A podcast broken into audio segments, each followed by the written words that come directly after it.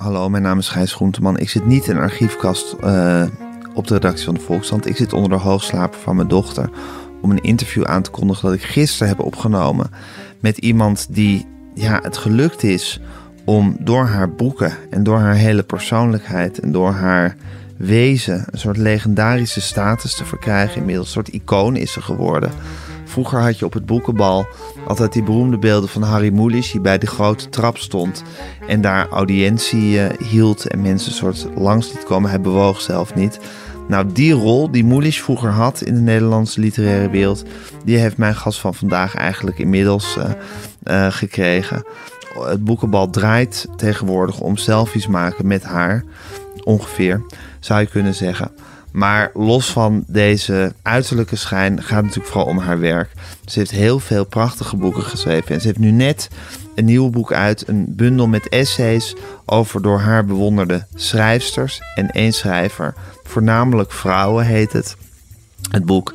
En het zijn allemaal persoonlijke essays. Het is haar persoonlijke verstandhouding met deze mensen via hun uh, werk. Uh, waarin ze eigenlijk een spiegel naar zichzelf ophoudt. Dat is een hele lelijke zin. Maar waarin ze eigenlijk op zichzelf reflecteert. Zo zou je het beter kunnen zeggen. Um, dit alles ga ik met haar bespreken. En misschien nog wat meer. Luister naar mijn interview met Connie Palme. Connie, zag ik het boek nou net liggen? Ja, het, nou ja. oh, oh nee, het is een kaartje. Een, een het is een kaartje. Ik zag dat je zelf de omslag had ontworpen, mede. Ja, goed hè? Ja, vertel even. Nou ja, had ik eigenlijk bij Jij Zegt Het ook. Bij, uh, toen zag ik, bij Jij Zegt Het zag ik een, in een, in een Volkskrant artikel was um, stond een afbeelding van uh, dat beeldje van dat vosje met dat vogeltje op zijn hoofd. Um, Kelly McCallum. Ik denk, dit is zo geschikt voor, voor Jij Zegt Het. He, omdat de vos is het zogenaamd totemdier van Ted Hughes, de dichter over wie het gaat. En Sylvia Plath als het vogeltje met de gouden, met gouden maden. He, iemand die zo geobsedeerd is door de dood, door doodgaan. Ik, ik vond het fantastisch. Dus heb ik dat, dat heb ik echt voor het eerst mijn, mijn omslag ontworpen. En nu dacht ik, ik ga ermee door. Want de, de meiden, zo'n jonge meiden van weet ik veel welk bureau, die stuurde een voorstel. En het was, ja. ik zeg, jongens, dit is ongetwijfeld heel hip. En dit gaat misschien wel heel erg verkopen. Zo het geel-groen fosforiserend, je kent het wel, abstract. Ja. Zeg maar, dit is niet, niet geschikt voor mij. Dus ik ga zelf even op zoek naar goede afbeelding. En ik um, vond een, een, deze foto, zo deze donker, die heb ik die helemaal bewerkt met lipstick. Dus ik heb die meisjes... Je hebt die foto zelf bewerkt? Nou, ik zei die meisjes, jullie moeten, want ik kan niet met een computer grafische ontwerpen maken. Ja. Dus ik zei, ik wil grafisch, wil ik dat een heel viezige, uitgesmeerde uh, lipstick over die mond gaat. En dan wil ik die kleur van die lipstick terug in mijn naam. En dan uh, zo, en dan hou het maar goed in het rood, lekker zwart, rood, zwart, rood, zwart en wit. En nou, dit is het geworden. Ja. En de, me de meisjes durfden eerst, of meisjes, misschien wel één meisje, Nee, ze, ze onderschreven steeds met tweeën, ze onderschreven okay. de mails. Ze jongens, het mag wat vieziger, vettiger, gedurfder. Smeer uit die boel. Ja. Nou, Want eerst was het nog een soort keurig nou, heel voorzichtig, dit is één streepje of zo. En nu is het een soort mond waar nu alles is, het lekker is. En past ja. het, ben je er tevreden over, over hoe het is geworden? Ja, ik ja? vind het echt wel een mooi omslag. Ja? ja. En um, waarom... Jij moest, niet? waarom? Ja, zeker. Maar het heeft ook iets van een thriller. Oh ja. Ik zou het nooit de omslag van een essaybundel uh, vinden Oh, op nou, het dat vind ik dan wel, wel fijn. Dat het niet zo, dat het niet dient. Dat het niet de afbeelding, het genre Het heeft een beetje een film noir-achtige, Ja, ja. een beetje een soort... Ja, Toch? ja. Waarom moest het zo, waarom moest het zo, zo vettig, om- ik, viezig ja zijn? omdat ik het, ik, ik vind het geen keurige essays. Het, is, het is, moet niet te keurig allemaal zijn. Het zijn ook niet keurige essays. Het is niet wat je, als je het woord essays, schrikken mensen zich al sowieso al, al een Ja, het hoedje. En wat is een essay ook eigenlijk? Ja, het is een Ja. essay. En in dat, dit genre, wat je het persoonlijk essay noemt, waar de Amerikanen heel goed in zijn en de Fransen kunnen er ook wat van, ehm, daar hebben wij eigenlijk nog maar heel weinig ervaring mee. Mhm. Ik noem altijd Marja Pruis als de koningin van de persoonlijk essay. Dat is ook zo. Ze heeft ook al eigenlijk van meet af aan in haar, in de literaire kritieken die ze voor de Groene Amsterdammer schrijft, de recensies, gewoon een volkomen eigen toon, heel persoonlijk. En dat heeft ze ook in de columns. En in, dat zijn hele kleine, mooie persoonlijke essays. En ik wilde dat uitbreiden. Ik wilde echt een persoonlijk essay schrijven in de, nou ja, in de traditie van de vrouwen die ik bespreek. En die zijn heel persoonlijk. Dus eigenlijk heb je een vriendin beschreven, het is eigenlijk een zelfportret aan de hand van, van, van Dat is het. zes of zeven vrouwen. Ja, het is een heel Ja. persoonlijk boek. Ja, Ja, kan je anders dan een heel persoonlijk boek schrijven. Maar goed, je, hebt, je schuwt het persoonlijke niet. Waarom, waarom moest je ze in deze tijd van je leven schrijven, deze stukken? Nou, vooral omdat ik natuurlijk altijd eh, in mijn romans al heel essayistisch ben, maar dan verwerk ik het in een roman. Dat zijn kleinere stukken, dat, zijn, dat is een tussendoor-stem die Mhm. opeens heel wijsgerig doet over een, een bepaald onderwerp, zoals Milan Kundera dat ook doet over kitsch. Hè. Schrijft hij in het eh, ondraaglijke lichtheid van bestaan, krijg je opeens een uiteenzetting over kitsch, wat, wat heel erg leuk is, wat heel verrassend is. Dus ik heb altijd in mijn romans eh, heel veel gebruik gemaakt van dit essay, essayistiek. Gewoon van kleine beschouwende stukken. En eh, ik heb eigenlijk altijd het ritme gehad na een roman, een essayistisch werk. En ik wilde nu dat anders aanpakken. Ik wilde veel persoonlijkere autobiografische essays. Waarom had je daar behoefte aan? Nou, omdat ik vooral nog niet in staat was tot een nieuwe roman. Deze roman, jij zegt het, daar heb ik in zekere zin acht jaar over gedaan, heel lang. Die heeft heel lang gerijpt, die heb ik in heel korte tijd geschreven, maar het rijpingsproces heeft heel lang geduurd. En acht jaar betekent acht jaar er elk uur van de dag mee bezig zijn. Dus niet dus af en toe weer de draad oppakken of zo.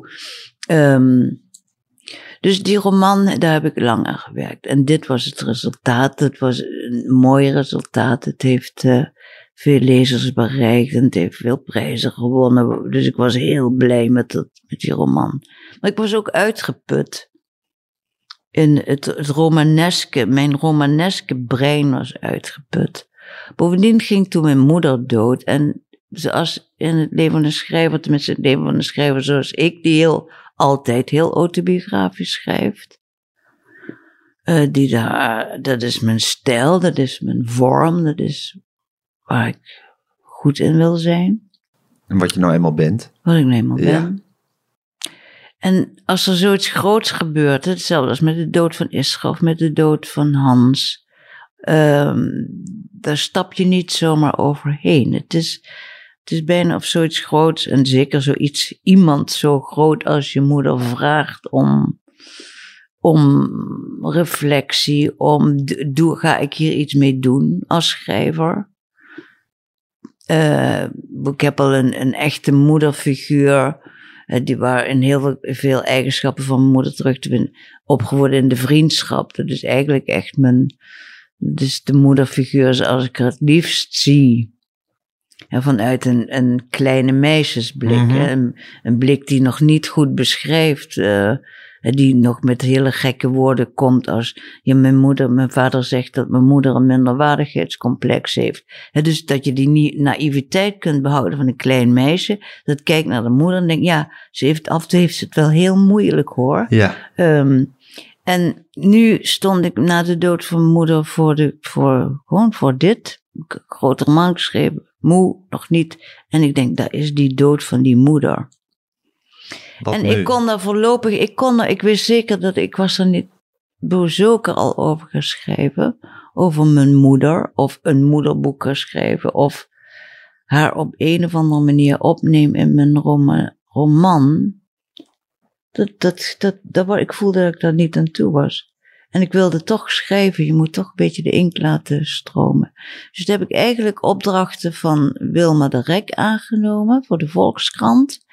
Zo kun je dit, ik heb dit boek, is dat iets voor jou? Ik denk, ja, dat moet ik doen. Ja, Dat ga ik doen. gewoon over de band. Dan blijft de, ja, dan blijft de, de, de inkt stromen. Ik, ehm, dan ga ik maar even een beetje een opdracht wat ik nog nooit heb gedaan. Maar ik vond het zo leuk. En de essays. En toen ik, eh, toen heeft Mai eigenlijk voorgesteld, Ja, uitgever. ja, een uitgever Mai Spijkers, uitgeverij Prometheus, van, ehm, moeten we allemaal eens met die essays doen? Ik zei, nou, ik zei, ja, dan voel ik me een beetje bezwaard. Ik denk, ik weet zeker dat, dat mijn lezers, mijn lezerspubliek, ik zit te wachten op een volgende roman en ik wil ze niet ehm, teleurstellen. Dat vind ik heel, dat, dat, of, of dat ze een boek gaan kopen en zeggen, ja, nou, nou, ze zijn toch, het zijn toch heel mooie essays. Maar toen heb ik eigenlijk dacht, ja, het is wel een goed idee. Ik moet er niet zo tegenop zien. Ik, maar ik ga ze gewoon heel enorm bewerken nog. Ik ga ze nog veel persoonlijker maken. Nog veel autobiografischer. Ik ga ze uitbreiden. En ik ga zorgen dat al die essays bij elkaar horen. Ja, En dus in ene essay resoneert het andere. En de Ja. ene schrijver weerspiegelt de ander. Het is een, een en ze, zijn, ze vormen allemaal zoektocht, zoektocht langs je eigen ziel. Toch? Hoe je het ook went of keert. Dat ook, zeker. Ja. Het gaat allemaal over aspecten van mijn Ja. aard, mijn persoonlijkheid, mijn schrijverschap, mijn Ja, kijk op de wereld. Ja, ja. want eigenlijk gaat, schrijf je ook in het begin... schrijf je eigenlijk over jouw relaties die je met mensen hebt... en hoe je gekend wil worden en je ook eh, af wil sluiten tegelijkertijd in een relatie. En eh, dit zijn eigenlijk bijna allemaal ja, een soort bespiegelingen op jouw relatie die heel persoonlijk is met deze schrijfster. Schrijfsters en deze ene schrijver. ja, Ja, in dat boek. ja. Ja. Zo, zo Dus het is allemaal jij, jij en die ander. Die ander en ik. Die ik ander ik en zet, ik. Ik zet altijd de ander op de eerste plaats geest. Oh ja? Ja, natuurlijk. Die Maar- ander en jij. Maar ik ben iemand die, die het, het, het- ik hou het meest zelf van ik, ik, ik voor het ik-perspectief heet het dan, de ik vertellen van ik-romans, van eh, hoe knapper dat gebeurt, hoe meer ik van een roman hou. Hé, en Connie, dat hele persoonlijke schrijven van jou, hè, wat je dus ook in deze essays doet, is dat nou een drang tot eh, etaleren? Of is het een hoogst noodzakelijk zelfonderzoek? Of Ja, is het ook een beetje een rood, rookgordijn? Nou, nu noem je Ja, het zijn drie. veel opties. Ja, nou, het zijn er maar drie. Eh etaleren eh, helemaal niet. Nee, Nee? wat heb ik daaraan? Wat, eh, ik wil niet... ik het, wat heb je eraan om gekend te worden door anonieme anderen? Het heeft geen enkele zin. Nee, het heeft geen zin, maar je kan er blijven. Er zijn- toch heel veel mensen die er beho- behoefte aan hebben. Ja, maar ik ben er niet op de wereld om in de behoeften van andere mensen te voorzien. Nee, ik bedoel niet, maar ik bedoel, er zijn veel mensen die de behoefte hebben om gekend te worden door een anoniem publiek. Ja, maar die heb ik niet. Die heb je helemaal daar, niet. ont- dat, daar ontken ik dat mee. Je Met- vindt het publiceren van het schrijven van boeken is noodzakelijk, maar het publiceren van boeken is een soort noodzakelijk kwaad? Nee, Of- nee, publiceert gaat alleen maar om publiceren. Ik bedoel, ik zou geen letter meer schrijven als ik niet zou publiceren. Ik ben alleen maar bezig met die andere mensen. Met, eh, maar dit is een heel anonieme ander. Maar het is voor mij de wereld. Eh, dit is, ik heb het ook al gezegd, schrijvers voor mij mijn huwelijk met de wereld. Ik ben verder, eh, doe ik heel weinig voor deze wereld. Maar dit doe ik wel. Ik, ik schrijf wel mijn boeken voor, voor die ander. Voor die hele grote groep mensen die, godzijdank, mij lezen. Ja, ja, maar je ziet het. Maar niet om mij te etaleren. Ik, mijn boeken gaan in zekere zin niet over mij. Ik, Nee. bedoel, ik, ik- Rembrandt heeft ook wel eens gezegd over zijn zelfportretten. Mijn zelfportretten gaan niet over mij. Ja, Ik beeld mezelf wel af, maar mijn onderzoek gaat niet over mij. Mijn onderzoek gaat over wat, wat, wat anderen daarmee kunnen doen. Wat denk je dat ik een half miljoen lezers zou hebben als, ik, als het dat niet zo was? Als ik mezelf zou etaleren, alleen maar. Dat is saai. nou, dat hangt helemaal vanaf. Als je dat, als je dat heel goed doet, is het helemaal niet nee, saai. dat is eh, altijd saai. Is dat altijd saai als Ja. je jezelf etaleert? Oké, maar Connie, dan is het dus... eh, want je zegt, ik schrijf heel persoonlijk. ja. Wat ik schrijf, en tegelijkertijd is het dus... Is het, beeld je ook jezelf niet af. Ja, afbeelden is een moeilijk begrip. Het, het, ik bedoel, ik zou nooit, ehm, ik bedoel, ik, ik schrijf in voornamelijk vrouwen. Ik zou niet nadenken als ik niet problemen moest oplossen. Maar mijn problemen hebben altijd met anderen te maken. Of met het nadenken over, over wat het leven is. Mhm. over hoe, wat, het, wat het leven voor een vrouw is. Waarom ik inderdaad moederschap en schrijverschap, ik persoonlijk, dat uh, niet te combineren vind, vond, vind, vind, zeker vind. Um, wat liefde is, wat vriendschap is. Dit zijn allemaal ook, wel ongelooflijk fijne onderwerpen om over na te denken. Maar ik denk er niet over na, over mijn vriendschap. Ik denk na over dat het breder, dat het groter wordt. Dus het is een um, zelfreflectie, is eigenlijk hetgeen waar een ander het meest van profiteert. Dat is ook in een relatie zo. Of in een vriendschap zo. Als je een vriendschap hebt met iemand die volstrekt niet zelfreflexief is, heb je een heel andere relatie met iemand die dat wel is. Dus alle, alle zelfbeschouwing, alle analyses, alle denkwerk dat ik verricht, verricht ik voor u. Voor de ander. Ja, met een hoofdletter. Ja, ja.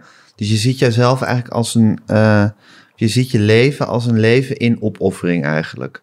Nou, dat gaat over zelfanalyse, maar ten gunste van de ander, of ter, waar de ander baat bij heeft. Ja, maar offer in de zin, bijna in de, in de, in de, in de katholieke nieuwtestamentaire zin. Offer als daad van liefde. Ja. Ik vind het wel ook met liefde te maken hebben, het schrijven. En dat zo gericht zijn op dat het een vorm van geven is. En dat, dat, daar, daar zie ik wel inderdaad wel een nieuwtestamentaire offer komt mij, is, is me niet vreemd. Nee. Hey, en je schrijft dat je eigenlijk in al je relaties altijd de brekende partij bent geweest. Ik ben altijd degene die weggaat. Ja, degene die weggaat, behalve als de dood uh, ja. eerder uh, tussen beiden kwam. Ja. ja. Um, hoe komt dat, denk je? Nou ja, ik haal, ik, ik haal eigenlijk in voornamelijk vrouwen vooral een, een, een zin aan leen ik iets bij Philip Roth. Philip Roth is op zijn tachtigste verjaardag gaat hij terug naar Newark, waar hij geboren is. Newark is een voorstadje van New York. En hij is daar in de eh, grote bibliotheek, heeft hij al zijn vrienden uitgenodigd. Is ook heel veel mensen zijn erop afgekomen, er zijn honderden mensen. En hij houdt een, een toespraak waarvan iedereen weet, dit is voor de laatste keer dat wij naar Philip Roth kunnen gaan luisteren. En het is een ongelooflijk persoonlijke, warme, intelligente, geestige toespraak. Alles wat je van Philip Roth kunt verwachten zit er natuurlijk in want het is een genie en een meester. En hij, hij uit daar eigenlijk zonder schroom zegt hij daar dat is duidelijk dat zijn lievelingspersonage Mickey Sabbath is. Mickey Sabbath is de vuilste, goorste, smerigste personage dat ooit de literatuur is binnengetreden. Hij liegt, de hele literatuur. Hij liegt, hij bedriegt. Ja, het is een goor, vuig type. Hij liegt, bedriegt. Ja, poppen spelen. Hij is ontslagen. Een minderwaardig beroep ook. Grensoverschrijdend ja. gedrag, ja. Dus hij... Um, en Philip Roth zegt, en, en, hij, en, en Mickey maakt met iedereen ruzie. En dan in die toespraak die Philip Roth briljant gedoopt heeft, de meedogenloze intimiteit van fictie. Um, daar zegt hij over Mickey Sabbath dat hij alleen in onmin kon leven omdat hij anders zijn waarheid geweld aan moest doen. Dat is de reden waarom ik met mensen breek. Zeg nog een keer die zin. Hm. Hij kon alleen in Mickey Sabbath kon alleen in onmin met mensen leven, om, omdat hij anders zijn waarheid geweld aan moest doen. Dus, um, en iedereen die in de zaal zat wist dat hij Philip het over zichzelf had, want hij heeft ook altijd gebroken met mensen. Het is het moment van breken, daar gaan eh, periodes aan vooraf dat je denkt, oh, wat zit ik toch Waarom verzwijg ik toch zoveel? Waarom zit ik toch deze ziel, arme ziel te sparen? Waarom hou ik mijn scherpe tong binnen? Waarom laat ik dit allemaal gebeuren? Dit, dat gebeurt, dat komt ook voor in mijn leven natuurlijk. Waarom, waarom laat ik dit toch gebeuren? Ja, want je schrijft dat je het moment van breken altijd aanvoelt komen. En dit nou, zijn dus de symptomen. dat komt natuurlijk al heel lang aan, ja. En dat stel je dan maar uit en uit en uit. En dan op een dag ben ik weg. Weggegleden uit een leven zonder veel tamtam. Of ik maak fikse ruzie. Ik zeg wat op staat. Ik zeg, weet je wat, ik, heb je, ik vind je al vijf jaar onuitstaanbaar. Dus ik zou het nu op. Of je beperkt me, je maakt me klein, je, be, je houdt dit- te veel van om mij te beledigen. Dit soort ehm, redenen. Lopen vriendschap en liefde hierbij door elkaar? Of is dit... eh, Mm, Nee, je hebt wel vormen van vriendschap die op liefde lijken, maar ik vind mijn eh, liefdesleven dat. Ik heb het als ik echt over liefde heb, heb ik het toch echt over Israël en over Hans. dat zijn je twee ik vind wel, geweest? ja, en ik vind verder wel dat mijn vriendschappen komen heel erg in de buurt van liefde. Ik heb een, ik heb grote liefdes gevoeld voor vrouwen. Voor een paar vrouwen in mijn leven, zonder meer. Maar ze hebben nooit die eigenschappen gehad van de liefdes die ik met mannen had. Nee. En dit breken waar je het over heeft, hebt... Ja, breken is wel lekker hoor. Dat is wel... Maar met wie brak je dan? Was dat, Oh, de, dat, is dat ook in vriendschappen? Zeker, dat zijn vooral vriendschappen, ja. precies. Ja. Het zijn vooral vriendschappen. Ehm nou ja, want dat, dat- je, moet natuurlijk een band met iemand hebben, anders is het breken. Je gaat, je gaat niet met je buren breken, dat, die, die zijn de moeite waard, niet de moeite waard. Je moet wel echt, een, voor een, moet wel echt iets op het spel staan. Je moet ook iets kwijtraken. Ik kan ook treuren om vriendschappen die die- zijn. waarvan ik noodzaak zag om te breken. En ik vond ook eerlijk gezegd dat het niet altijd, meestal een ander was, beschouw ik eigenlijk over het algemeen als onschuldig. Ik denk, ja, ik heb te lang verdragen. Je bent eigenlijk een heel goed en lief en braaf iemand, maar Ja, ik heb te lang verdragen dat ik je verschrikkelijk saai vind. ja. En Verveling, is, oninteressant. verveling is, een, eh, is een belangrijk ding. Ja, En, ehm, het is verborgen agressie, ja. En, dat, en dat is dus. En het, het raadsel is natuurlijk hoe je iemand eerst helemaal niet saai kan vinden. En hoe dat dan op een gegeven moment wel nou, zo nee, is. er kunnen zich ook vriendschappen voordoen eh, die heel ondersteunend zijn. Zeker als je zo, eh, als ik na de rouw van iemand, mensen bent opgevangen. En dan, als je in de rouw bent, heb je gewoon helemaal niet zo'n scherp onderscheidingsvermogen. En als er mensen zijn die je opvangen, die, die, die je steun bieden, dan Ja, ja. kan dat lijken op vriendschap. En dan kom je er soms pas als je voorbij, als je minder rouwt. Ja. Het kan ook gewoon dat je bepaal, mensen met bepaalde eigenschappen hebt no- nodig hebt in je bepaalde fases van je leven. Ja, dat, Dat je, dat ja. je soms mensen nodig hebt die heel ondersteunend en lief zijn. En Ja. dan weer mensen die eh, haarscherp en kritisch zijn. Toch? Ja. Ja. En zijn dit allemaal eh, die relaties met die schrijfsters die je hebt, hè? Kan je ook met, met, met, met hen breken op een of andere manier? Kan een schrijver je ook heel erg gaan vervelen op een gegeven moment?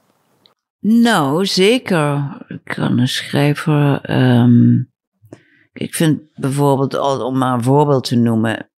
Zo, ik was in mijn jeugd, zoals bijna alle pubers, hield ik enorm van Salinger. Ik vind Salinger nu bijna onleesbaar. Oh ja? Ja. Nog net niet, want het is net iets te briljant. Maar ik vind het ook een sentimentele. eh, sen- ik vind het ook sentimenteel. Ja. En zelfverliefd en, en, en drakerig en, en, op de, en, en eh, met effectbejag. En Maar hij geeft de puber wat de puber nodig heeft. ja, Ja. de pubers, dus pubers. Ja, dit is allemaal wat die, pu- wat die pubers moeten hebben.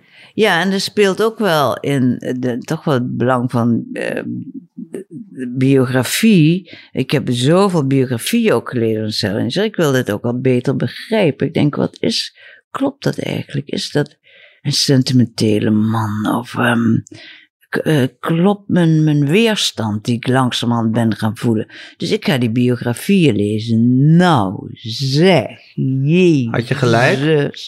Ik heb er echt wel vijf gelezen. Van alle zijn dochter, van een hele jonge vrouw die bij hem intrekt Ja. in dat boshutje. Ja. Ehm, nou, Het is iemand die was teruggetrokken een leeft, verschrikkelijke man. Ja. Ja, maar natuurlijk ook wel een oorlogsslachtoffer. Heeft in die eh, Tweede Wereldoorlog als Amerikaans soldaat in, hier in Europa gevochten en eh, hele verschrikkelijke dingen gezien. En, maar het is, eh, ja, het is ook een, een, een hele naar man. Hey, en Connie, als jouw sympathie zo draait hè, voor iemand, of dat ofwel een vriendin is of een vriend, ofwel een schrijver van wie je veel hield, vind je dat, vind je dat lastig om aan jezelf te erkennen? Het is ook een soort nederlaag hè, die je leidt.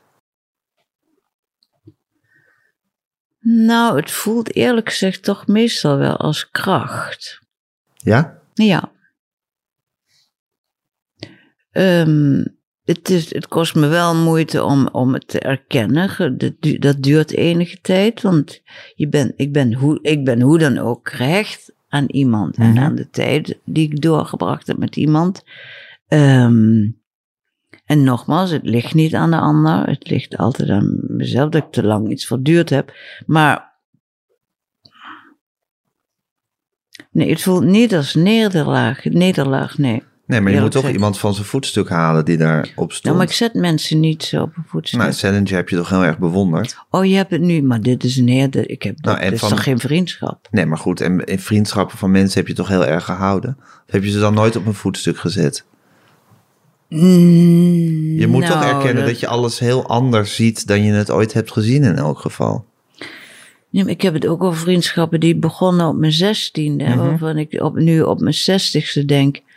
Wow, nee, ik, hou, ik, ik, ik kap ermee. Ik kap ermee. Ik, Echt? Ja. Je verbreekt vriendschappen die, weet ik veel, wat 50 jaar oud Ja. kunnen zijn.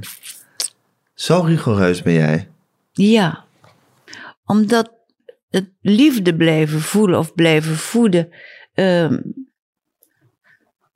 dat, dat kost te veel. Dat Maar is, het leven kan toch ook een conjunctuur zijn? Wat iets- is, oh, op en op en neer. Iets wat nu saai is, is kan toch over, over een paar jaar weer heel leuk zijn ineens. Maar ik geloof niet dat ik vriendschap echt om saai. Ik denk, we moeten misschien, je suggereerde net, misschien een nederlaag onder oog moet zetten. Maar niet zozeer een nederlaag, maar wel, ik denk, ik hou eigenlijk niet meer van die ander. Wat zit ik mezelf toch voor de gek te houden? Ik hou van wat we hadden.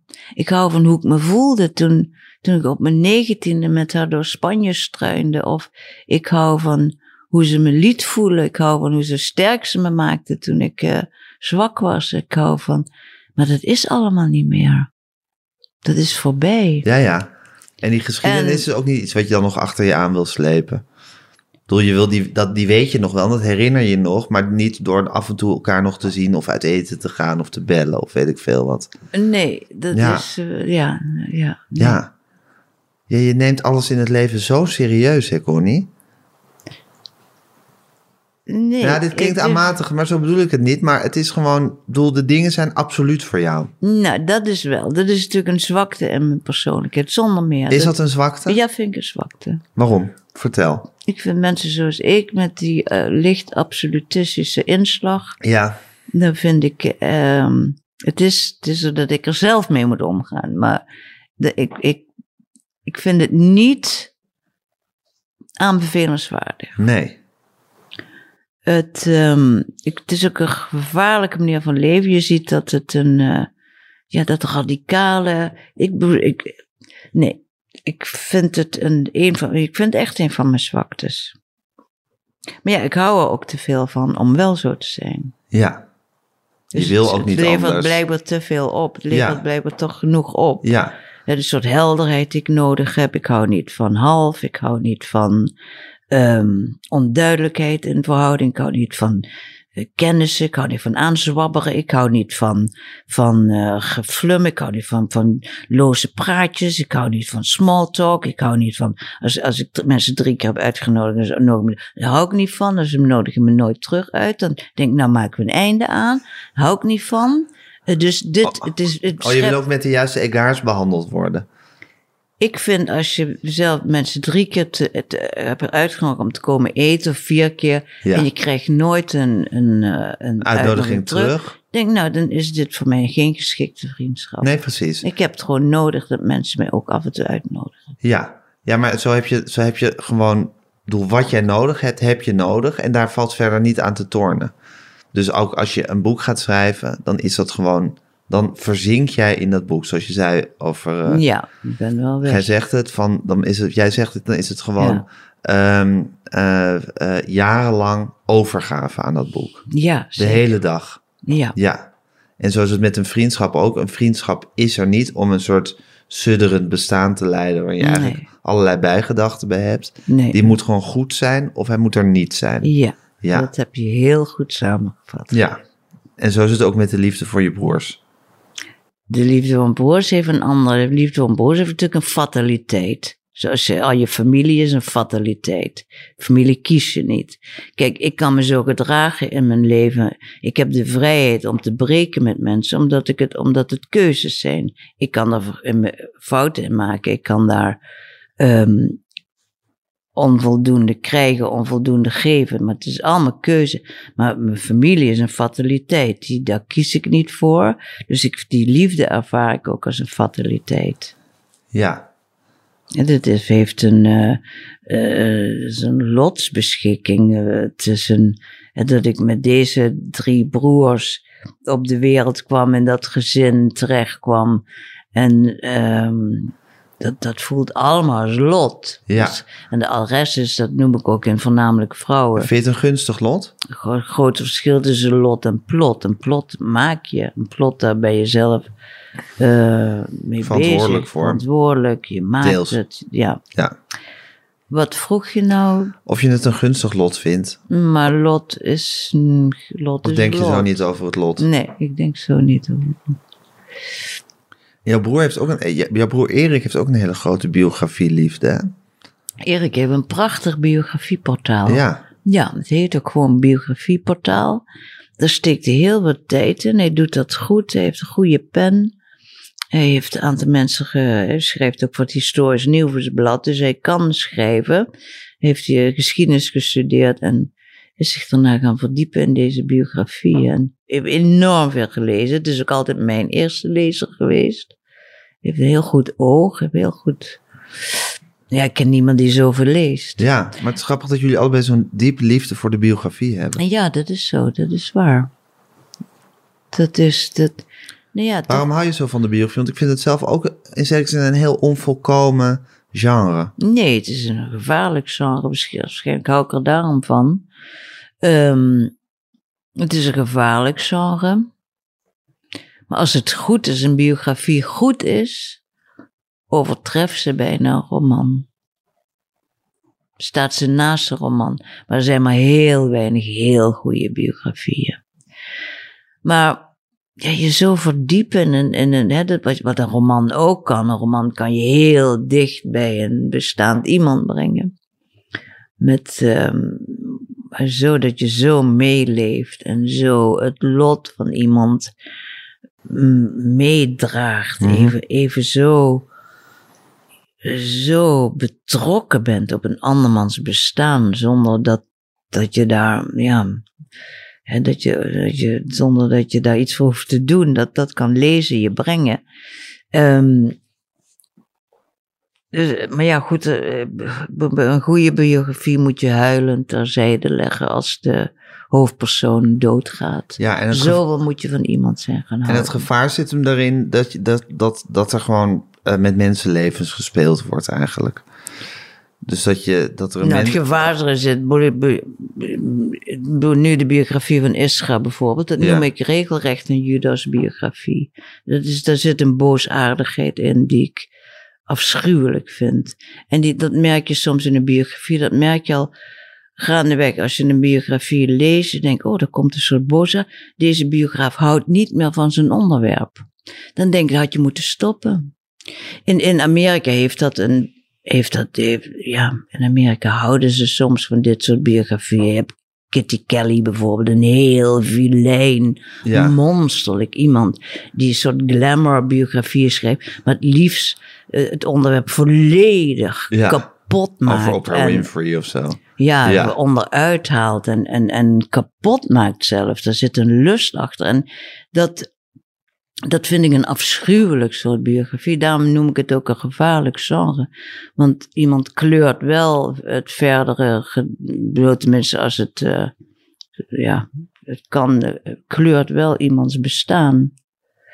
Of, of het kleurt het denken over iemands ja, bestaan. een soort nalaten, nou, ook niet de nalatenschap, maar het, het, het beeld wat er blijft. Ja. Ja. En hoe vond je dan dat je toen je dat boek over Israël las? Nou, ik heb het niet eens meer uitgelezen. Ik vond het zo verschrikkelijk. Ik vind het A verschrikkelijk slecht geschreven. Ik begreep niet dat er in de recensies geen opmerking over komt. Het is een aaneenreiging van stoplappen. Ik geloof niet dat iemand nog weet wat een stoplap is. Wat is een stoplap? Het is een stoplap dat je met woorden breidt. Um, ja, wat is het toch? Uh, zeg, heel vaak het feit dat een, uit onderzoeken is, is gebleken dat het feit dat, uh, we, dat de, de Joden hier en daar een. Uh, dus dan heb je al drie stoplappen. Ja. Uit onderzoek is gebleken dat, en het feit dat, dus, en dat is, daar wemelt het van. Um, en het allerergste, kijk, ik heb, ik heb nu, ik heb een grote lezingstournee gehad met voornamelijk vrouwen. Dus ik heb dan elke avond dus de twee en de, de 300 lezers die daar zitten. Dus ik maakte telkens de grap. Uh, jullie hoeven, ja, uh, er kwam altijd wel een vraag over de biografie. Ik, ik verbood altijd uh, dat de boekhandelaar de biografie meenam. Ik je wilde dat er niet verkocht ik werd op niet gelegenheden waar jij waar, waar ik was. het middelpunt was. Ja. ja. En um, dat vroegen ze altijd keurig, dat was heel netjes. En dan zei ik elke keer als ze vragen, ja, u hoeft hem niet te lezen, want ik kom er toch niet in voor. Dan moest ik zelf erg om lachen. Mensen moesten er ook altijd erg om lachen. Maar het is wel een beetje natuurlijk waar. Het, het gaat, ik denk, het is een lesbische vrouw. Ze heeft natuurlijk ontzettend lekker gevonden om al die vrouwen te gaan opzoeken. Die met, met wie Isra het gedaan heeft. Ik, ik, ze heeft nog een 150 gemist. Die had ik aan, had ik daar de adressen nog voor kunnen doorsturen. Maar het is, het is, het is gewoon een vrouw die niets begrijpt van vrouwen die van mannen houden. Maar dan ook echt helemaal niet. Dat is ze nemen het eigenlijk, al die vrouwen, neemt ze het kwalijk dat ze gehouden hebben van zo'n vreselijke man. Dat echt, die toon zit in dat boek. Hoe kunnen jullie gehouden hebben van zo'n verschrikkelijke man? Hoe is het? Ze begrijpen ook niets van heteroseksualiteit, van geilheid. Het is echt volkomen nul. Um, het is ook zo weinig sexy. Ze, ze, snapt het gewoon. Ze ziet het gewoon niet. Ik vind het een heel onaantrekkelijke. Ik vind het ook een heel onaantrekkelijke vrouw. Um, dat op de eerste plaats. Maar ik vind het zo'n onaantrekkelijk boek. Lelijke taal. Een beetje kwaadaardigheid schuw jij toch ook niet, hè, Connie? Dacht het niet. Nee. Zeker niet als ik, uh, als ik zoveel, Als je boos bent. Als ik zoveel kwaadaardigheid moet pareren. Ja.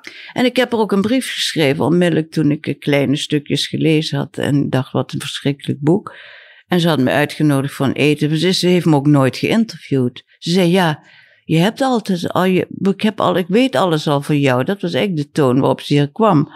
Ze heeft ook nooit naar mijn archief gevraagd. Ik heb een enorm archief met brieven van Ischa, met brieven aan Is. Ze heeft er nooit naar gevraagd, dus ik heb het er ook niet gegeven. Um, nou ja, en ze had een etentje na, het, na de presentatie van het boek. En ik heb het boek gelezen en ik had het aangenomen. Ik denk, oh mijn god, wat een verschrikkelijk boek. Dus heb ik er een brief geschreven en die eindig ik met...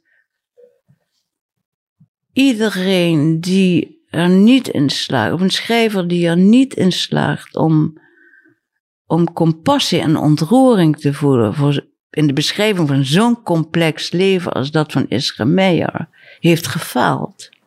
En jij hebt gefaald. Punt. En ik kom niet naar je etentje. En uh, dat is eigenlijk, ja, heb het ook tegen mij gezegd, tegen mijn uitgever, de uitgever van de biografie.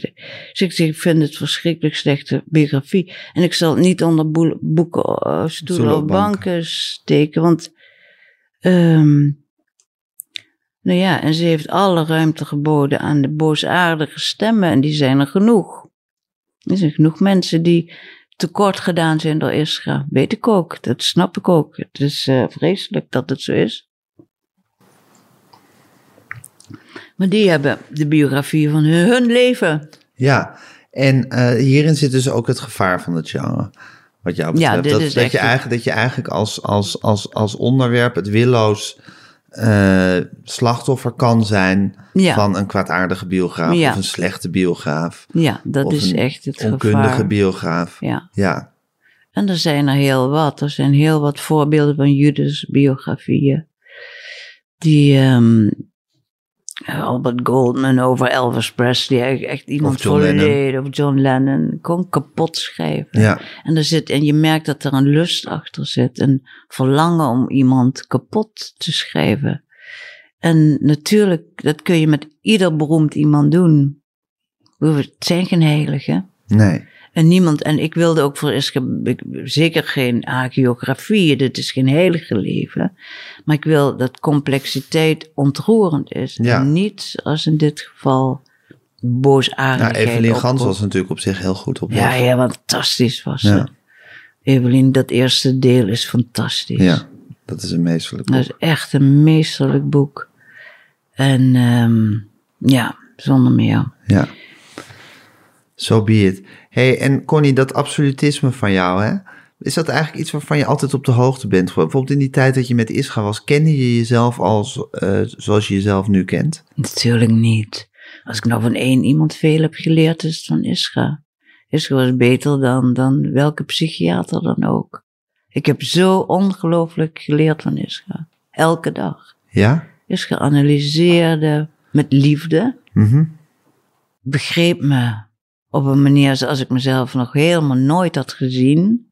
Begreep mijn familie, begreep mijn broers, begreep mijn ouders. Begreep mijn wereld. Ik heb, ik heb elke dag geleerd. Van die vier jaar dat we samen waren, heb ik elke dag geleerd. Op een manier waarop ik daarna niet meer geleerd heb. Ik ben daarna acht jaar bij Louis Tas, psychiater in, in eh, psychotherapie geweest. Maar, en ik heb ook veel geleerd van Tas, maar van Ischa leerde ik elke dag. Het heeft eigenlijk elke andere psychotherapie overbodig gemaakt. Ja, ja. En niemand heeft, niemand heeft het ook geëvenaard.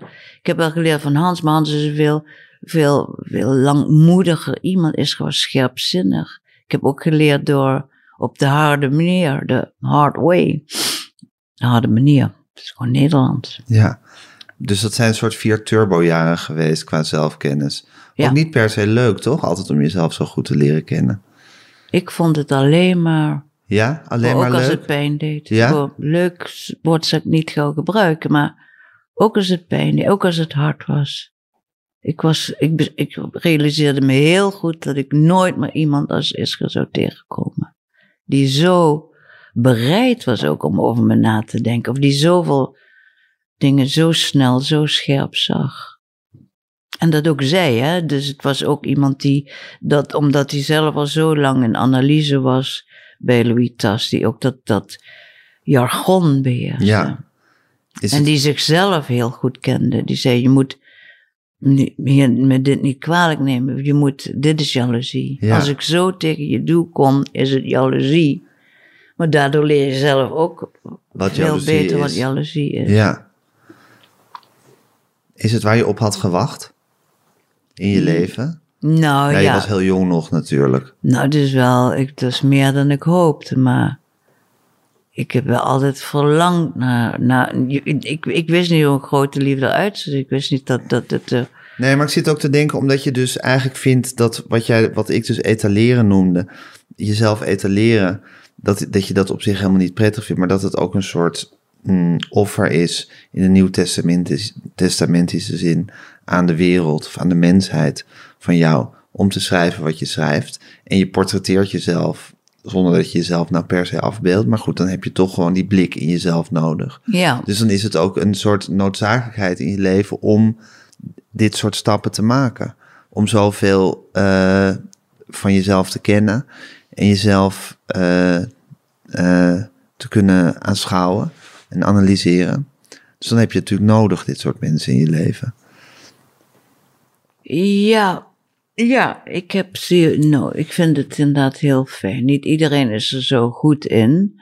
Eh, andere mensen hebben ook andere kwaliteiten. Ehm, maar ik vind het wel prettig als ik merk dat iemand eerlijk tegen me is, ja. En ehm, ja, en begripvol en eerlijk. Dat, is, dat is heel fijn als dat samengaat. Dat iemand veel van je doorziet, overziet überhaupt. En dat analyseert en dat het met begrip eh, gebeurt voor je zwakheden, Ja. voor je... En dat is eigenlijk ook het moment dat jij vriendschappen moet afbreken als je niet meer begripvol en eerlijk kan zijn tegen de ander. Ja, Als je begint te merken dat je, dat, je, dat je voor de lieve vrede of uit een soort. Ja, dat is precies goed. Het is nooit dat een ander me... dat ik die naar ben gaan vinden of zo, maar ik... Ja, ik ben niet meer degene, ik ben niet meer iemand met wie ik kan leven. nee. Ik vind mezelf, eh, ga mezelf onuitstaanbaar vinden als ik te veel verberg, dat ik constant inslik. Bo- Ja, ja, de constant eh, eh, dingen zit in te slikken, dat vind ik, dat is verschrikkelijk. Zo kan ik niet leven. Nee. En je hebt natuurlijk ook gewoon een venijnige geest. Een vast ongetwijfeld ook een hele lieve geest, maar ook een hele. Maar ook, ook een venijnige geest. Nou, venijn, venijn in, een, in de geestelijke zin is altijd eh, inderdaad een, een beetje genadeloze analyse maken. Maar die, die pas ik ook toe in mijn werk, pas ik ook toe op mezelf. Het heeft een zekere genadeloosheid, maar het, is ook heel eenvoudig. Kijk, ik heb in de filosofie logica gestudeerd, dat was een van mijn lievelingsvakken. Je kunt bijna nooit verwachten van dat anderen logisch redeneren. Dat gebeurt namelijk ook bijna niet. Maar sommigen zijn zo rijgen aanname na aanname na aanname. En beweren dan iets. Ik denk, ja, maar je hebt al drie aannames gemaakt die niet kloppen. Die, die nergens op stoelen. Maar ik kan toch niet constant zo omgaan met mensen dat ik alleen maar zit te zeggen. Want je, je, je kletst uit je nek. Eh, je, de logica van deze, van deze redenering deugt van geen kanten. Het is een en al eh, ad hominem, het is een en al ad humulus, ad clumulus, ad frumulus. Het klopt van geen kanten, het is kletskoek. En je zegt helemaal niets. Nou, enfin, dit soort, dit, dat is zo vermoeiend om. Maar goed, ehm, dus het is. Ja, nogmaals, ik, ik, er zijn vele vormen van waarop je zelf geweld kunt aandoen. Ja. En dit is er één, dat een ander, in, in, of, of het taalgebruik van ander, dat, is, dat ligt bij een schrijver heel gevoelig. Dus als iemand voortdurend praat over, ik doe dit voor mijn eigen heling en voor dat, het ontwikkeling van mezelfliefde, en ik wil ook met andere mensen dat eh, in, in liefde leven en... ehm, nou, dan ben ik weg. Dan denk ik, eh, dat kan nooit iets worden tussen ons. Ik verdraag dit voor een uurtje. Voor de, voor de vri- vrienden. Dan ga je er wel wat van zeggen, toch? Denk ik. Nou, ik heb een stuk. Je, je begrijpt toch wel dat dit soort taalgebruik, dat ik bijna eh plof. Nu, Dat ik, ik, ik zit het vol te houden. Ik was gelukkig met humor. Maar het is. eh, is niet te verschrikkelijk. harde. Het is niet te harde. Ja. Die, die, die, die eh, amateurpsychologische taal, dat is verschrikkelijk. Het dat iemand het ook eh voortdurend heeft. Wat, wat is tegenwoordig zo in? Eh, ja, de context, dat je iets in zijn context moet zien. Of, eh, wat is, wat was laatst, iedereen had het erover. Oh ja, eh, de giften, toxic, ja, je bent zo toxic. Toxic? Mijn hoed? Ik ben zo helder als glas. Toxic is sluipend vergif. Ik ben niet vergif. Oh, maar iemand vond jou toch. Jij, jij werd uitgemaakt Ja, voor toxic. Nou, iemand zei, we, zaten in een toxische, toxische, toxisch. Ik, man, eh, ik ben echt niet toxisch. Ik ben, ik ben niet toxisch. Nee. Ik onderken dat allemaal veel te, te goed. nee, ik zeg zou wel- ook niet toxisch willen, maar wel intimiderend. Ja, dank je de koekoek. Is dat goed of niet? Ja, intimiderend dus is, het is niet leuk voor iemand anders, maar dat snap ik. Dat, dat, dat je dat zegt. Dat is nou eenmaal zo. Dat is niet maar zo. Ja. Ja, hoe beschouw je jezelf, Connie? Wat vind je, wat vind je nou van je leven tot nu toe? Ik ben Is een het wat het mens. zijn? Ik Ben je gelukkig, ja? Ja, ik ben een gelukkig iemand. ja. Ben je eigenlijk een in wezen gewoon een gelukkig iemand? Verworven. Ik heb, eh, ik heb Je hebt nu, het geluk Ik heb nu verworven. de keynote speech geschreven om Writers Unlimited te openen. Een van de, van de onderdelen van Writers Unlimited. Ja. En daar heb ik geschreven en denk, ja, dat is echt zo. Ik, dat sinds ik mijn stem vond hè, om te schrijven, Mhm. Dat is, stem is alles, is stijl, is karakter, is hoe, hoe je het doet, vorm, Ja. alles is. Ik denk, ben ik nooit meer ongelukkig geweest. En wanneer was misschien dat, was tot dat bij de tijd, wetten misschien al? wel. Bij de wetten, ja, zeker. Ja, dus sinds de wetten ben je gelukkig. Ja. Ja, Ik ben nooit meer zo ongelukkig geweest als ik daarvoor was. Zo zoekend, zo, zo nog niet volkomen, zo onbestemd, zo angstig, zo bang. Ik wist zeker dat ik een schrijver was, maar weten anderen dat ook? ja. Lukt dat wel? Mhm. Kom je daarbij? Kom je bij? Is, is dat niet, overschat je jezelf? Ja. Eh, klopt het wel? En als dat niet had gekund, was dat dramatisch geweest. dat was behoorlijk ja, erg. dan was dat, had dat leven nog heel lang geduurd. Of kort. Dan was ik wel veel ongelukkig geweest, ja. Nou, het waarschijnlijk ook korter geduurd. Had ik ook nooit die liefdes gehad. Ik vond dat ik zo, bij spreken, denk ja, ik ben schrijver. Ik ben niet meer een, je hoeft mij niet aan te vullen. Nee. Je Dus- hoeft me niet, heb je hoofdpijn? Nee, nee, ik denk na. Oké, Ik denk na. oh wat leuk. Ik zat even aan mijn gezicht. Nee, want, ik zit, want het zit toch met dat, met dat schrijverschap, de vervulling daarvan. Het, inderdaad, het, dat het, het het wezen is van wat je bent. En dat je het dus eigenlijk nodig hebt om compleet te zijn. En daarna ook een goed leven te kunnen Ja, leiden. compleet, ik zal nooit over compleet praten. Mensen zijn niet compleet. Ja, sorry. Nee, dat snap ik wel. Nee, ik snap wel dat je niet compleet bent. Maar dat je pas, zal ik maar zeggen, echt aan het leven kan gaan beginnen. Gewoon echt met liefde en geluk en ongeluk en wat het moet zijn. Toen je die stem had gevonden. Ja, dan doe je je leven daarvoor misschien te Ja, dan kort. doe ik het leven ervoor tekort. Ja. Dat zal ik niet doen. Maar het was, het, het was wel voortdurend op weg naar, naar dat, naar dat schrijven. En, ehm, en, tot, en toen ik het nog niet, toen, het, toen ik nog niet schreef, voelde dat als een, ja, dat ik een, een dolend iemand was. En ik was altijd onbestemd, hunkerend naar iets. Ook wel naar een liefde, maar ik Mhm. hunkerde primair naar dit, dit onbestemde verlangen om iemand te zijn die ik nog niet was. Ja. Ik bedoel, je hebt natuurlijk Wat sommige hele- mensen met het moederschap zullen hebben. Dat schijnt. Het schijnt. Ja, Ja, dat je denkt, dat, dat, moet, ja, dat moet volbracht worden op een of andere ja. manier. ja. Zo- zoals je het nu omschrijft, klinkt het zoals vrouwen die een hele sterke kinderwensen Ja. hebben. Ja. Oké. Nou.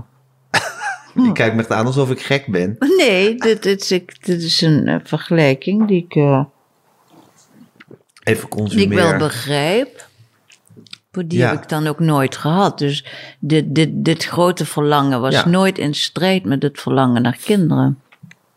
Nooit. Nog geen seconde.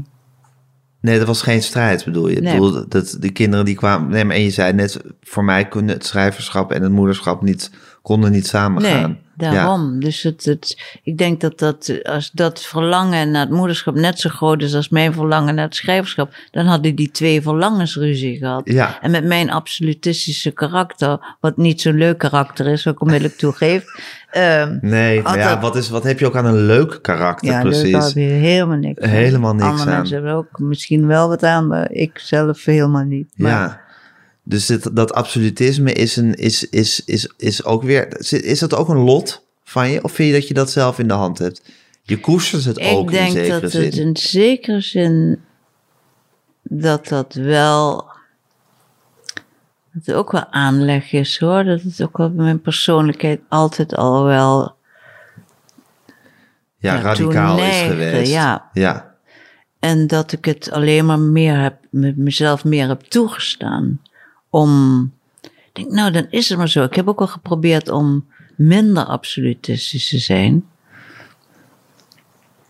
Wanneer heb je ik- dat geprobeerd? Ja, als men, ik herinner me nog dat, eh, dat, eh, dat ik in Amsterdam dat ik een jonge, een nieuwe vriendin leerde kennen. Een heel slim, leuk iemand. En die zei, je bent altijd zo hype, zo, zo altijd, het is altijd zoveel. Ik denk, hè, ben ik dat? Oké. Denk dat dus. Oh, dus dat, dat, dat zijn momenten van zelfbeschouwing. Dat, denk, ja, ik denk, dan, en dan leer je iets over jezelf. Ja, ik vraag altijd wel veel van mensen. Kun je twee dingen doen. Je kunt zeggen, nou, ik moet maar eens wat minder vragen van die verhoudingen met anderen. En daar heb ik nee op gezegd. Ik denk, nee, dat ga ik niet doen. Ik ga niet minder vragen van anderen. Het moet zo. Ik kan niet minder eisen van, aan deze eisen stellen, aan deze liefde of aan deze vriendschappen. Ik ga het niet met minder doen. Dat is eigenlijk, dat zijn allemaal keuzes. Ja. Daarom vind ik dat leven van de keuze ook zo magistraal. Ik voel me ook overal verantwoordelijk voor. Maar jij zegt, je neemt het leven zo serieus. Maar het is vooral, ik, ik, ben, ik voel me overal zo verantwoordelijk voor. Nou, voor mijn eigen daden. Dat is hetzelfde eigenlijk. Ja, dat is hetzelfde. Ja. Dat, nu snap ik beter wat je toen, wat je eh, een half uur geleden zei. Dat is wat, wel wat ik doe. Ik vind dat ik overal schuld aan ben. En met vreugde zeg Ja, met schuld dit. zit er meteen weer een soort, als, alsof je iets verkeerd hebt gedaan. Nee, voor mij niet. Ik, maar ik, ik ben graag een schuldig iemand. Dus iemand die verantwoording draagt voor de keuzes die ze maakt. Ja, Maar niet omdat ik een misdaad bega, maar gewoon omdat ik een leven ja gewoon leid waar, katholieke schuld. waar splinters, waar ik met, Ja. met hak, waar ik hak. waar je hakt. En eh, ook dus, de schuld zit hem er ook in, dus dat je moet, dat je de mensheid je boeken moet geven. Dat je ons, de wereld, je boeken moet geven. Nou ja, dat dit mijn verhouding met de wereld is. Ja. Ik ben heel blij dat ik er niet in hoef. Ik ben blij dat ik niet ehm, in de zorg werk of zo, terwijl ik dat heel goed zou kunnen. Ik ben een zorgend iemand, dus ik zou heel goed. Maar ik ben zo blij dat ik mensen niet hoef te zien. Vind ik zo onvoorstelbaar fijn. Niet hoeven zien, niet nergens naartoe, niet naar kantoor, geen baas hebben, geen collega's hebben, geen gezeur aan mijn kop, dagen alleen kunnen zijn Ja, dagen de deur niet uit hoeven. Ja. Niemand die, eh, tegen wie ik verantwoording hoef af te leggen. en je de- bent natuurlijk wel een kluizenaar die zich af en toe naar buiten begeeft. Ik ben een kluizer die heel graag mensen ontvangt, Ja, die diners geeft, die eh, feesten geeft, die, ehm, en die altijd naar theater gaat en naar Ja. films. En, met En toch een kluizenaar is. en toch, en ten ik, heb het, diepste. ik heb het diepste, ja, ik heb het wezen van een kluizenaar Ja, en van een clown. Dus zodra ik buiten ben, ben ik clownes. dan ga je gek doen. Ik kan heel geestig Heb je daarom altijd ook dat gekke brilletje op tegenwoordig? Gekke Maar je hebt heel vaak brilletje. zo'n brilletje, een soort half zonnebrilletje. Heb je, dat je, je hebt altijd een brilletje op waar de glazen zo'n beetje donker van zijn. Ja, maar dat heb ik nodig, want ik heb is dat een heel een rare afwijking? afwijking. ja. Wat is dat? Is dat dat je te veel licht binnenkrijgt? ja, Oké. ik heb vergrote Het heeft namelijk ook iets clownesks, dat brilletje. Het Nee. heeft ook iets grappigs. Je kan, A, moet je het niet een brilletje noemen. Oh, ik ben sorry. geen kind. het is een hele dure bril. Ja. En hij heeft zelfkleurende glazen. Dus in die, in die Oh, studio met felle lampen en zo. Mhm. Maar goed, ik heb, eh, ik heb inderdaad hele lichtgevoelige ogen. Dit blijk ik al mijn hele leven te hebben. Het zijn van grote zenuwbundels die vanuit eh, die naar het oog toe gaan. En er is nu wat aan gedaan. Nou, ik merk dat het heel veel rust brengt als Ja? ik gekleurde glazen draag buiten. Want wat, wa- wa- hoe ging dat dan eerst? Met jou en buiten? Nou, ik moest gaan verklaren waarom ik altijd mijn ogen dichtkneep. Of waarom ik altijd schaduw opzocht. Ja, of waarom ik zo'n hoofdpijn kreeg. Of waarom ik lichtflitsen zag. Of... En dat is allemaal pas ontdekt in het oogziekenhuis. Na de dood van Isra dacht ik dat ik blind werd. Dat is een heel, heel bekende, las later bij Joan Didion onder meer, dat het echt een verschijnsel is van rouw. Ook dat je denkt, ik word blind, ik zie gewoon niets meer.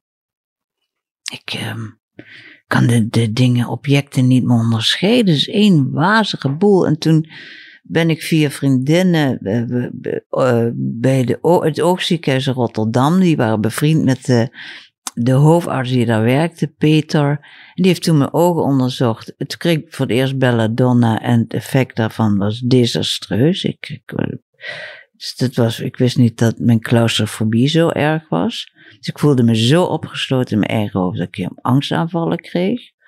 En dan moesten ze maar mijn hand vasthouden tot ze rustig maar. Ze hadden? Maar wat is belladonna? Belladonna verdooft je ooglens, je lenzen, zodat de oogarts eh, meetinstrumenten op je ogen kan zetten. Ah. Want het maakt je pupillen enorm groot en je ziet eigenlijk niets meer. Dus je raakt helemaal En opgesloten dan raak je je totaal hoofd. van in paniek. Ik raakte totaal in paniek. Ik kreeg helemaal zweetaanval en angstig. Maar goed, ze waren, twee mensen waren bij me, die bleven ook tegen me praten en ik kon gaan liggen enzovoort. Dus dat werd allemaal goed opgevangen. En toen het eerste wat deze Peter, die oogarts na het onderzoek van mijn ogen zei. Wil je alsjeblieft je ogen overmaken aan de wetenschap als je dood? Ik zeg waarom? Nou, ik vind het natuurlijk heel leuk om iets bijzonders te hebben. Zeker. Nou zit hij, je hebt echt zulke grote zenuwen, ver- vergrote zenuwen. Je hebt eigenlijk voor heel veel grote blinde vlekken. Want daar komen die bundels, die zenuwbundels binnen. Zit je, maar toch kun je nog helemaal goed zien links, rechts. Ik zie je dan hier niet meer, maar ik zie dit ook nog allemaal. Het is gewoon omdat je dit al zo, dat heb je, waarschijnlijk ben je zo geboren. En opeens begreep ik waarom ik op alle foto's in mijn jeugd, sta ik alleen maar met dichtgeknepen Met dichtgeknepen oogjes. Ja, Ogen. ogen. Ja. Ik zal geen verkleinwoorden meer gebruiken als het niet Hm. Dat strikt stel ik noodzakelijk is. Ja. Wat vind je van verkleinwoorden? Ik haat verkleinen. Ja? Ja, Moeten zo min mogelijk gebruikt worden. zonder meer. Ja, omdat je vindt dat er iets denigrerends in zit. Nee, Dingen moeten niet eh, klein de- gemaakt Je moet worden. Niet klein maken, die wereld. Het, en het doet zo aan, door mij zo gehate jaren zestig denken. Dat iedereen had over koffietje, een theetje drinken, en theetje dit en ditje dat, en hallootjes. Ja, ja. Alles wordt klein. De Ja. hele wereld werd een poppenkast. Ja. Konden ze tenminste... een- Terwijl de wereld serieus genomen moet worden. Het moet in elk geval geen poppenkast worden of een kinderspeeltuin. Of, eh, de wereld is wat die is. Zo groot en zo klein en zo dom en zo goed en zo slecht als die is. Dus die poppenlootjes. Ja. Ja, maar voor iemand die verantwoordelijkheid voelt voor alles, voor ook voor eenvoudige keuzes. En voor hoe het leven op dagelijkse basis geleid moet worden. Ja, Is natuurlijk belangrijk dat niet kle- dingen kleiner gemaakt worden dan nee, dat is waar. Dat zou mijn hele Ja. bestaanszekerheid Ja. aantasten. Want de dingen zijn groot. Ja. Jezus, Connie. Je geeft me de indruk dat ik heel vermoeiend ben. Helemaal niet. Oké. Eh, eh, Nee, eh, omdat je zo kreunt. nee, meer van, er moet af en toe even iets verwerkt worden. Wat ga je pakken? Even een aansteek. Oh, je gaat een aanstek dat de kaarsjes aan doen. Is deze een inhaler van mij of van jou die hier ligt? Van mij. Heb je Oh, ook een inhaler? Ja, Wat heb jij? nou diezelfde en nog een paar andere. Heb je astma of wat heb Ja. je? En jij? Of van je jeugd, jeugd af aan? Astma? Ik heb die COPD. Oh ja. En heb je daar veel last van? Wordt, naarmate ik wat ouder word, wordt het wel een beetje erger, ja. Ja. Maar ik word goed gecontroleerd en... eh, kijk, zulke sfeer. Want je maakt er echt een kersttafel van, Connie. Ja, Ja, vind je dit? ja. Toch ongelooflijk gezellig. Zo. Connie, heel erg bedankt voor je boek. Ja. Ik vond het fantastisch om te lezen. Ik heb Ja. ervan genoten. Het is een, ja, ik moet, ik vind je toch ook een beetje, want ik la- las dus al die verhalen van jou over die vrouwen en over die ene man. En het is inderdaad hyperpersoonlijk. Je bent helemaal, je geeft helemaal, ehm, ja, je laat jezelf kennen door wat je, door hoe je jezelf in die vrouwen reflecteert eigenlijk en wat je over ze te zeggen hebt en waarom je zoveel van ze houdt. Eh, en van Philip Roth en die ene man. Eh, en tegelijkertijd ben je, ben je ook een soort, ja, Martin Bril noemde Bob Dylan altijd de man in de verte. Iemand Mooi. die altijd, altijd in de verte blijft. Mooi. Hoeveel die natuurlijk ook, hoe oneindig Ja. veel teksten die aan de wereld heeft, eh, Ja, heeft gegeven. mooie omschrijving van Martin. Heel mooie omschrijving. Ja, en dat vind je van mij ook. vind ik van jou ook een beetje. Ja, Nou, dat is iets wat ik dan leer de laatste tijd. Ik dacht altijd zo dat ik zo'n houtnaze, als de Duitsers het zeggen, dat ik zo, zo ongelooflijk dichtbij iemand kan zijn. Ja. Maar dat is ook wel zo. Maar ik denk dat, de, met, dat ik, als ik dat niet heb, dat ik geen tussenweg weer weet. Tussen hout na en wat, hoe dat anderen moet. hoe, hoe anderen dat doen. Dus ik, ik had het ook, want Marja Pruis ont, nam het eerste exemplaar in ontvangst eh, van voornamelijk vrouwen. En die had zo'n mooie toespraak. Maar ik herinner me dat dit er ook in zit. Dat ik zo dichtbij kwam. En toch ook altijd een beetje op afstand bleef. Maar dit is echt iets wat ik pas de laatste um, jaren aan het leren ben. Of leer over mezelf dat dat zo is. ja. Misschien is het ook omdat je- omdat je jezelf zo klaar als een klontje vindt. En denkt dat, dat, ziet, dat snapt en ziet iedereen toch. Mm. Maar dat vind ik niet. Oh, dat vind je niet? Nee, nee. Nee. Nee, dat vind ik niet. Ik vind mezelf niet uh, klaar als een klontje. Of een, die heel snel om maar Te leest, is. zoals je dat tegenwoordig zo lelijk zegt. Te doorgronden is. Nee, dat, ehm, zo zie ik mezelf niet. Ja, Dat is, als, speel, als je jezelf een clown noemt, weet je al dat je dat niet doet. Dat je een. Hey, en Connie, even tenslotte, is nou, zijn je boeken je kunstwerk of ben je zelf je kunstwerk? Niet zonder meer mijn boek. Ik ben zelf geen kunstwerk. Ik vind mezelf, dat, is, dat behoort bij een heel ander soort kunstopvatting. Ik ben helemaal geen kunstwerk. Ik ben echt, en met de mensen met wie ik, eh, wie die afstand minder is, daar heb ik echte vriendschappen mee. Die, die ik ervaar heel intiem en inner en voor mij heel belangrijk. Ehm, maar ik beschouw me nooit als een kunstwerk. En mijn boeken zou ik ook niet, maar mijn boeken zijn mijn boek. Het is de, romans, de essays, het is, eh, is mijn werk. Wat, of mijn werk in de zin van oeuvre, ook al vind ik dat een beetje stom woord, maar ja, dat is wel wat ik gemaakt heb. Maar ik beschouw mezelf niet als kunstwerk. Ik vind het ook verschrikkelijk als mensen zichzelf als kunstwerk beschouwen. Ja, niet als in dat je jezelf, dat je een soort levend kunstwerk bent, maar dat je toch alsmaar weer jezelf aan het eh, eh, afbeelden bent, ondanks dat je jezelf niet afbeeldt, zoals Rembrandt zei. Maar- Nee, dat is geen afbeelden, inderdaad. Het is een. eh, Ik beschrijf ik al de analyses van wat van, van bepaalde ja, gedrag of gedachten of. ehm, Het is, het, is, het is een ongelooflijk raffinement vereist het om autobiografisch te schrijven, terwijl het toch romanesk blijft. Mhm. Het is eh, Philip Roth had, kon dat heel goed. Philip Roth was daar een meester in.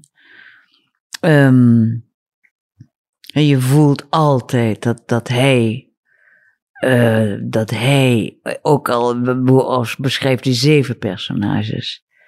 Hij is, de, is die personages. Er zit een aspect van zijn persoonlijkheid in al die personages. Daarom, is, daarom kon hij ook op het einde van zijn leven de meest de meest prachtige omschrijving geven van fictie, wat het is. De meedogenloze intimiteit van fictie. Dat kun je alleen zeggen over je werk, over je romans en over je stukken en je, ook over je interviews. Als dat niet je doel is, je wil intiem zijn. Maar je bent intiem, zoals je dat ook in je vriendschappen kunt zijn. Maar natuurlijk is, dat, is het een hele vreemde vorm van intimiteit die je Mhm. Die je creëert, dat is een stijl, dat zijn ingrepen, dat zijn, dat is een vorm van, van ja, van vakmanschap, om Ja. dat te bereiken. Ja, In, in een literair werk en in een essay, dat- een andere een hele intieme ervaring heeft. het is een noodzakelijkheid. En het is een soort offer. Ja, het offer klinkt zo gauw, eh, het is een liefdesdaad, hè, en voor een liefde Ja. heb je heel veel over. Ja. En dat, dat zo beschouw ik het wel, ja. Ik beschouw het wel, ik mijn, mijn liefde voor de wereld en voor mensen is, in, in de meest abstracte zin schuilt in dit, in dit wat ik te geven heb, ja. ja. Zeker, zonder dat ik mezelf aan het kruis nagel, hè. Dat, eh. Daar begin je maar niet aan. daar begin ik niet aan. Dankjewel, Connie. My pleasure. Dit was Met Groenteman in de Kast met Connie Palme. Mijn naam is Gijs Groenteman. Fanny van der Rijt en Tamer Bot hielpen bij de redactie. Julia van Alem bezorgde alles netjes in uw oortjes. Corrie van Duin overzag het hele proces.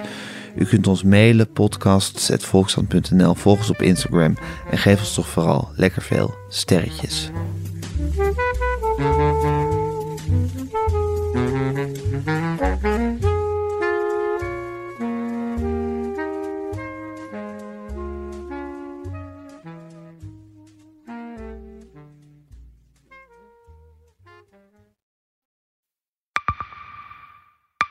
Zijn leven is overhoop gegooid.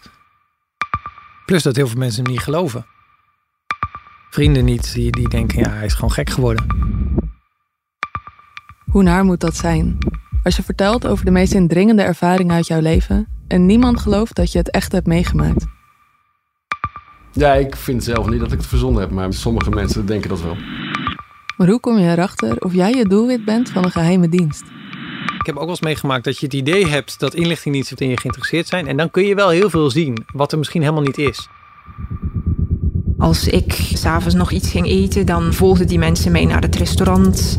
En dan terug van het restaurant naar het hotel. Als zij op een gegeven moment zei, kijk maar uit, want anders word je dadelijk nog wat voert ook. Shit, ik moet hier weg. Dat is, dat is niet goed. Nu word ik gevolgd. Een soort Truman Show is het gewoon. Hè?